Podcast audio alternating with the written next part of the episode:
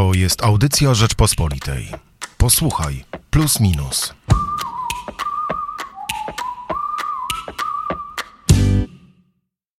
Po mroku przychodzi światłość. To jest hasło na okładce naszego wielkanocnego wydania magazynu Plus Minus. O nim dzisiaj porozmawiamy. Michał Płociński i Hubert Salik. No właśnie, zawsze co roku staramy się szukać tej nadziei, nadziei, którą oczywiście e, niesie ze sobą zmartwychwstanie Jezusa Chrystusa i, i w ogóle okres wielkanocny, Triduum Paschalne, które właśnie e, przeżywamy w tym roku i zresztą podobnie jak w zeszłym roku, e, ta nadzieja jest nam chyba potrzebna po dwakroć. To są kolejne, miejmy nadzieję, że ostatnie, chociaż na, na dłuższy czas, święta tak nietypowe, bardzo mi się e, podoba wstępniak Bogusława Hraboty, który porównał te święta do świąt, których e, no, ja nie mam prawa pamiętać, bo to było 5 lat przed moimi urodzinami, czyli święta Wielkiej Nocy w kwietniu 82 roku. Święta, które też jakiejś wielkiej nadziei nie niosły, raczej niosły przybicie, podobnie jak dzisiaj, kiedy nie możemy spędzać Wielkiej Nocy z rodziną, kiedy nie zobaczymy się ze wszystkimi naszymi e, bliskimi. Ty, Hubert, pamiętasz 82 i te kwietniowe święta po karnawale Solidarności? Świąt z 82 roku nie pamiętam. Jedyną pamięć, jaką zachowałem z 82 roku jest e, moment, kiedy mm, Polska grała z Peru na Mistrzostwach Świata w Meksyku i Ciołek strzelił pierwszego gola dla Polski. Mecz skończył się wynikiem 5 do 1 dla naszych. To było, to było chyba na 1 do 1, bo później rozwiązał się worek z bramkami.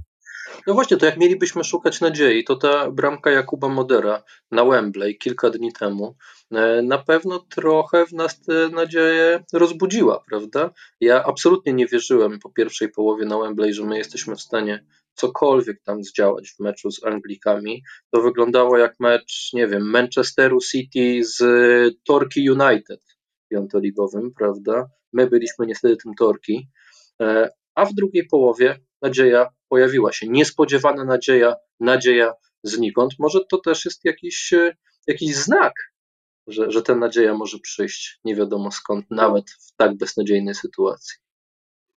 Z tymi znakami to dosyć e, ryzykowna sprawa, dlatego że przypominam Ci, że pięknego kwietniowego dnia 2019 roku spłonęła, spłonęła katedra Notre Dame i byli tacy, którzy twierdzili, że to znak, że coś się zbliża. No i pół roku później, gdzieś w dalekim, e, w dalekiej prowincji, chińskiej prowincji, e, której stolicą jest Wuhan, e, pojawiła się pandemia, więc z tymi znakami, nadziejami różnie bywa, interpretowanie ich chyba nie należy do nas. Natomiast wracając do tego, czego zaczęliśmy, czyli od Wielkiej Nocy i nadziei, myślę, że chyba po raz pierwszy, przynajmniej w moim życiu, myślę, że w Twoim też, mamy taką sytuację, w której e, cały, cały przebieg e, Wielkiej Nocy i przygotowań do Wielkiej Nocy e, odzwierciedla w, jakimś, w jakiejś analogii nasze obecne życie, bo 40 dni postu, a później moment zmartwychwstania, to trochę lockdowny i pandemie, a później nadzieja, że one się skończą. Rzadko chyba tak bywa, że, mm, że jesteśmy tak samo jak przy świętach Wielkiej Nocy, których przebieg jest nam znany, wiemy, że na końcu ta nadzieja jest. I teraz też wiemy, że ta nadzieja jest. E, I też musieliśmy przejść e, ileś tam miesięcy postu w jakiejś swojej skali postu, czyli na przykład uwięzienia w domach, mniejszego kontaktu z ludźmi. E, różnie to poszczególne osoby odbierały, ale dla wielu był to problem natury psychicznej, psychologicznej, a czasami też wręcz fizycznej. Rozumiem, że dążysz do tego, iż taką nadzieją są szczepionki i możliwość zaszczepienia dużej części społeczeństwa.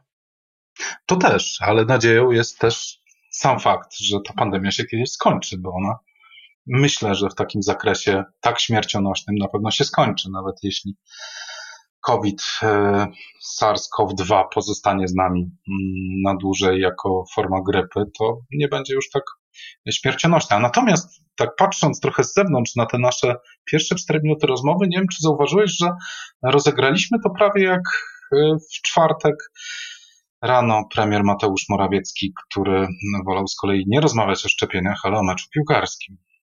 Tak? Y, opowiedz, bo ja chyba przegapiłem. No, podobno na pytania dotyczące tego, co się tak naprawdę dzieje z systemem szczepień, który, jak wiemy, trochę w cudzysłowie kolokwialnie zwariował w, w, czwartek w nocy. E, taktownie milczał albo unikał odpowiedzi, ale z przyjemnością komentował spotkanie Polska-Anglia na Wembley. No, wiesz, ten e, czwartkowy poranek też go pamiętam, bo, bo obudziłem się, sprawdzam, że jest otwarte szczepienia dla 40-latków. No, mi do 40, jak wiesz, jeszcze trochę brakuje, więc, więc e, żadnej, żadnego tam podniecenia nie poczułem. Poza tym, powiem Ci szczerze, no, jakoś bardzo to mi się nie śpieszy. E, bardzo chciałbym, żeby moja babcia została zaszczepiona, żeby moja mama została zaszczepiona, mój tata, a, a, a czy ja zostanę, nie wiem, w sierpniu czy na jesieni, w sumie to wszystko mi już absolutnie e, jedno. Za to. No. Za to program szczepień de facto jest testem społecznej solidarności i tego, czy bardziej dbamy o internet na, nasz jako wspólnoty i tych, którzy są bardziej zagrożeni niż nas samych, więc wcale ci się nie dziwię, chylę czoła. Tak powinniśmy myśleć, bo to jest taki moment dziejowy, gdzie te uczucia powinny być tak skierowane ale ja rozumiem też ludzi, którzy mają jakieś dolegliwości, którzy mają tak zwane e, te, e, jak to się mówi, choroby jakie? Współistniejące. Współistniejące. Rozumiem ich strach. Nie chciałbym się stawiać w ich sytuacji. Mogę sobie na to pozwolić, by, by podchodzić do tego na, na większym luzie i z większym e, zrozumieniem e, do, dla ludzi starszych, prawda? Mogę im oddać swoje miejsce w kolejce, ale u mnie w rodzinie pojawiła się nadzieja. Najpierw pojawiła się, e, miałem trochę taki wielki piątek, a potem wielką niedzielę. Powiem ci, najpierw podczas meczu Polska-Anglia. I to jest może historia, którą, którą warto opowiedzieć też, żeby przestrzec e, naszych słuchaczy. E, zadzwoniła do mnie wieczorem mama, poinformować mnie, że, że wyszedł jej pozytywny test na COVID. Wiesz, e, było to dla mnie bardzo wstrząsające, na pewno bardziej niż nawet ta pierwsza połowa w wykonaniu Polaków.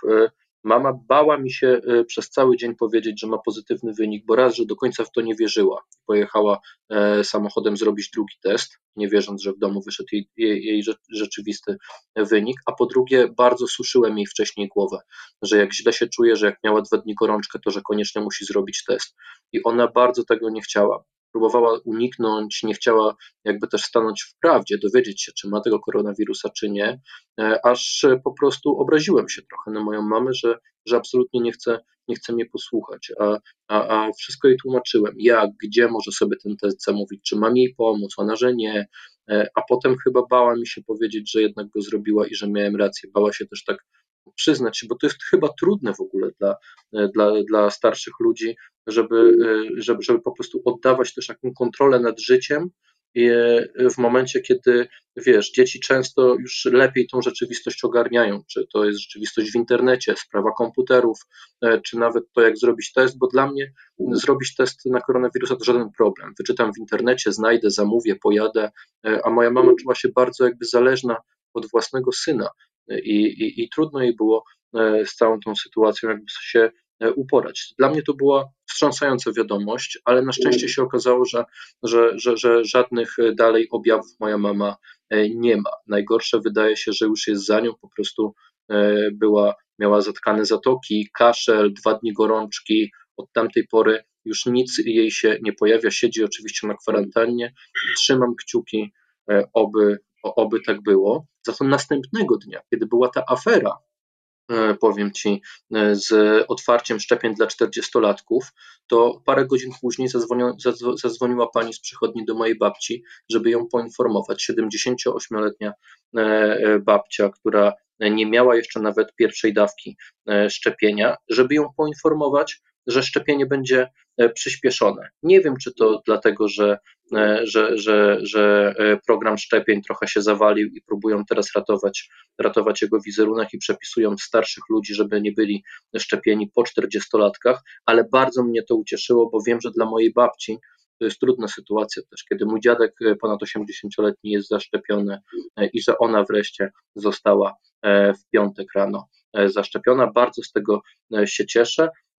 To dla nas będą oczywiście trudne święta, bo, bo moja mama musi je spędzić sama w mieszkaniu w bloku, ale bardzo się cieszę, że w końcu zrobiła ten test i że, i że wie chociaż, że w tym mieszkaniu ma, ma, ma, ma zostać. Ona też już się trochę pogodziła z tym, bądź co bądź dla starszej osoby wyrokiem, prawda? Ale też moja mama dużo bardziej martwi się właśnie o swoich rodziców, którzy wciąż e, żyją. Martwi się o moją siostrę, która jest w dziewiątym miesiącu e, ciąży. Jak myślę o mojej rodzinie i o mm, tej wielkanocnym śniadaniu, którego oczywiście nie będzie, ale każdy z nas go gdzieś tam w domu spędzi, myśląc o tym, o tym wszystkim, e, co się dzieje, no to powiem Ci, że jest ciężko, ale cieszę się, że, że, że, że chociaż mm, to o tym wszystkim wiemy, wiesz, że prób, prób, potrafimy to, e, potrafimy się z tym mierzyć i że, że będziemy to przeżywać tak, jak jest, bo, bo nie daj Boże, moja mama by tego testu nie zrobiła, moja babcia dopiero co miała szczepionkę, nie daj Boże, w niedzielę czując się dobrze, by już do tego domu przyjechała, spędziła, spędziła u babci z nią, z nią dzień i babcia, mimo że, że już dostała pierwszą dawkę szczepionki, to wiesz, dwa tygodnie czasu to trwa, e, dwa tygodnie, żeby, e, żeby ta odporność rzeczywiście się zbudowała, więc jeszcze mogłaby moją babcię e, zarazić. To chcę wszystkich tak naprawdę przestrzec przed unikaniem testowania się. Jeżeli ktoś teraz nawet nie traci węchu, czy, czy nie ma takich typowych covidowych objawów, to naprawdę ten wariant brytyjski, co próbowałem przez kilka dni tłumaczyć mojej mamie, odkąd tylko źle się poczuła, zupełnie innymi objawami w tej chwili się ukazuje. E, i naprawdę wystarczy minimalnie podwyższona temperatura, zatkane zatoki często się pojawiają. To są rzeczy, które powinny nas już w tej chwili e, niepokoić. Czyli jednak z całej tej historii wynika, że mm, mimo też przypadków, które są mm, może niefortunne, jednak jakaś nadzieja jest. Mm, I może y, przejdźmy do tematu, który też z nadzieją jest związany, e, bo tak jak rozmawialiśmy przed chwilą, ten okres pandemiczny jest okresem, w którym żyjemy nadzieją na zmianę, ale tak naprawdę jesteśmy zamknięci. Często zamknięci w czterech ścianach, bez kontaktu z innymi ludźmi i niektórzy z nas, żeby sobie z tą sytuacją radzić, szukają e, innego towarzystwa i coraz bardziej widać zjawisko brania e, przez ludzi psów do domów jako sposób na częstsze wychodzenie, na pewną E, na pewien kontakt z żywym stworzeniem, na zwiększenie jak gdyby e, mobilności ruchu w obrębie tych czterech ścian. Mm, ty masz psa. Jak sobie radzisz w pandemii? Czy jest trudniej, czy, czy jest lepiej, bo możesz wychodzić i, i, i to jest dla ciebie tylko szczęście i przywilej? Absolutnie nie. E, ale znamy kolegę od nas z redakcji, który właśnie teraz wziął psa, prawda? No, Nawet bo... dwóch o, dwóch kolegów naszych, rzeczywiście e, psy się u nich, pierwszy pies się pojawił w domu, więc rzeczywiście jest, taka, e, jest teraz taka potrzeba wśród ludzi, żeby, że, żeby ten dom nie był taki pusty, żeby mieć jakiś cel, prawda, wyjść na przykład na krótki spacer z psem. W pełni to rozumiem. Problem jest taki, że ja dwa razy już byłem na kwarantannie, prawda? Raz po kontakcie w radiu z osobą zakażoną, a raz nawet spędziłem dwa tygodnie z zarażoną narzeczoną, mnie no, nie, nie zakaziła. Na szczęście. Sytuacja taka e, ciekawa, prawda, że, że spędziliśmy na 40 metrach kwadratowych dwa tygodnie i, i ja cały czas jestem negatywny, ale dla nas to był duży problem właśnie, że mamy psa. Przecież m, mieszkając w bloku w centrum Warszawy, no, trudno, trudno nam naprawdę sobie z tym e, poradzić. Musiałem kombinować, musiał ktoś tego psa przyjechać, zabrać, musiałem szukać właśnie miejsca. Nie do końca też chciałem, żeby on trafiał do moich dziadków, którzy są niezaszczepieni, żeby ktoś tam im tego psa e, przywoził. I jak myślę o tym, że mogę trzeci raz, a spokojnie na pewno mogę jeszcze trzeci raz spędzić 10 dni zamknięty w domu, to znowu się martwię, co ja z tym psem zrobię. Więc widzisz, są dwie strony medalu. Mhm. Ale Aneta Wawrzyńczak rozmawiała raczej e, z hodowcami, prawda, którzy pokazywali e, no też właśnie e, te mm, niebezpieczeństwa, ale prawda, ze swojej strony, w sensie oni znając psy, wiedząc jak psy powinny być dostosowywane, przystosowywane do ludzi, zauważają, że te tak zwane covidowe psiaki mogą no, nie rozwijać się prawidłowo w momencie, kiedy jest lockdown. To ciekawe w ogóle, ciekawe spostrzeżenie, nie? No też wskazywała na to, że ta potrzeba może być potrzebą chwili, e, a za parę lat może się okazać, że mm, ci ludzie e, trochę nieprzygotowani do opieki nad psem mogą po prostu się do tego zniechęcić, że to jest coś, co mm, może być modą. Będąc modą, może zaowocować porzucaniem tych psów, co jest no, chyba dosyć wysoką ceną, jak za zaspokojenie swoich e, tymczasowych, tymczasowych zachcianek, tak chyba można powiedzieć. Ale to też bardzo trudno ocenić, bo tutaj jest wiele, ten, ten, medal ma wiele stron, nie tylko dwie. Masz rację, ale mnie to na przykład y, otworzyło mi to trochę oczy. Zaskoczyłem się y, tym spostrzeżeniem, że psiaki, które teraz zostaną wzięte przez ludzi, którzy siedzą w domu, pracują zdalnie, mają więcej czasu, by z nimi wychodzić, w przyszłości mogą mieć dwa problemy. Po pierwsze, y, nie nauczą się dostosowywać do normalnego trybu życia swojego właściciela. Jak nagle właściciel powróci do pracy, zacznie zostawiać się na 8-10 godzin, prawda, psy zaczną zostawać same w, w, domu, bo dzieci też zaczną chodzić na przykład do, do szkoły, one mogą sobie z tą samotnością nie poradzić, bo jako szczeniaki wzięte w trakcie e, lockdownu e, nigdy nie musiały z tym się mierzyć, więc psa trzeba cały czas przyuczać do tego. Mogą sobie nie poradzić z obecnością gości w domu, jeżeli w trakcie pandemii tych gości ci, ci goście pojawiali się rzadko albo nawet e, w ogóle, prawda? Te psy mogą nie poznać innych psów w momencie, kiedy nawet na spacerach unikamy innych ludzi, mogą nie nauczyć się tego psiego języka, potem się bać albo wręcz być agresywne do, do innych. No a po drugie, jak w końcu skończy się lockdown, no to my przestaniemy mieć tyle czasu, żeby na tak długie spacery z tymi psami wychodzić, a właśnie po roku pies e, potrzebuje najwięcej aktywności w tym przedziale między rokiem a pięcioma latami życia. Wtedy właśnie musi najwięcej biegać, wtedy musi e, mieć tej aktywności e, najwięcej i najbardziej różnorodną, poznawać różne miejsca, a wtedy my właśnie, miejmy nadzieję, będziemy mogli wrócić do normalnego trybu życia, prawda? No właśnie, to zjawisko trochę mnie niepokoi. Nie ukrywam, że e, od paru lat, i to raczej ponad dekady, bywam w miejscu takiej odległej lubelskiej wsi, gdzie jak przychodzi okres letni, czyli okres wakacyjny, gdzie ludzie z dziećmi albo, albo sami, ale jednak e, wyjeżdżają z miast, e, to często po prostu porzucają zwierzęta w okolicy. Te zwierzęta psy, no głównie psy. I te psy się w pewnym czasie zbierają w niewielkie watachy, później je trzeba wyłapywać to wygląda bardzo źle, bo z jednej strony świadczy o tym, jak, e, jak no, nie do końca dojrzałe są osoby, które decydują się na adopcję, czy w ogóle na wzięcie jakiegokolwiek psa e, i, i, i, i później rezygnują w sposób no, straszny. Moim zdaniem już lepiej nie brać psa, niż żeby po dwóch, trzech latach dojść do, do wniosku, że przeszkadza komuś w, w wakacjach. To zjawisko jest trwałe, powtarza się co roku.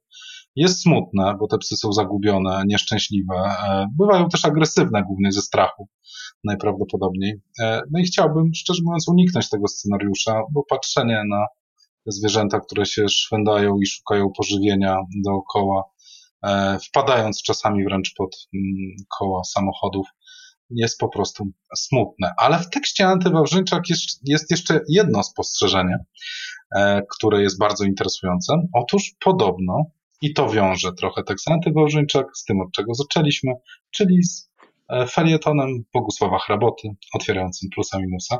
Otóż podobno, podobne, hmm, podobne zjawisko było obserwowane po raz ostatni w trakcie stanu wojennego, kiedy ludzie masowo, kiedy Polacy masowo brali psy, e, traktując to jako e, pewien rodzaj e, demonstracji swojej własnej wolności.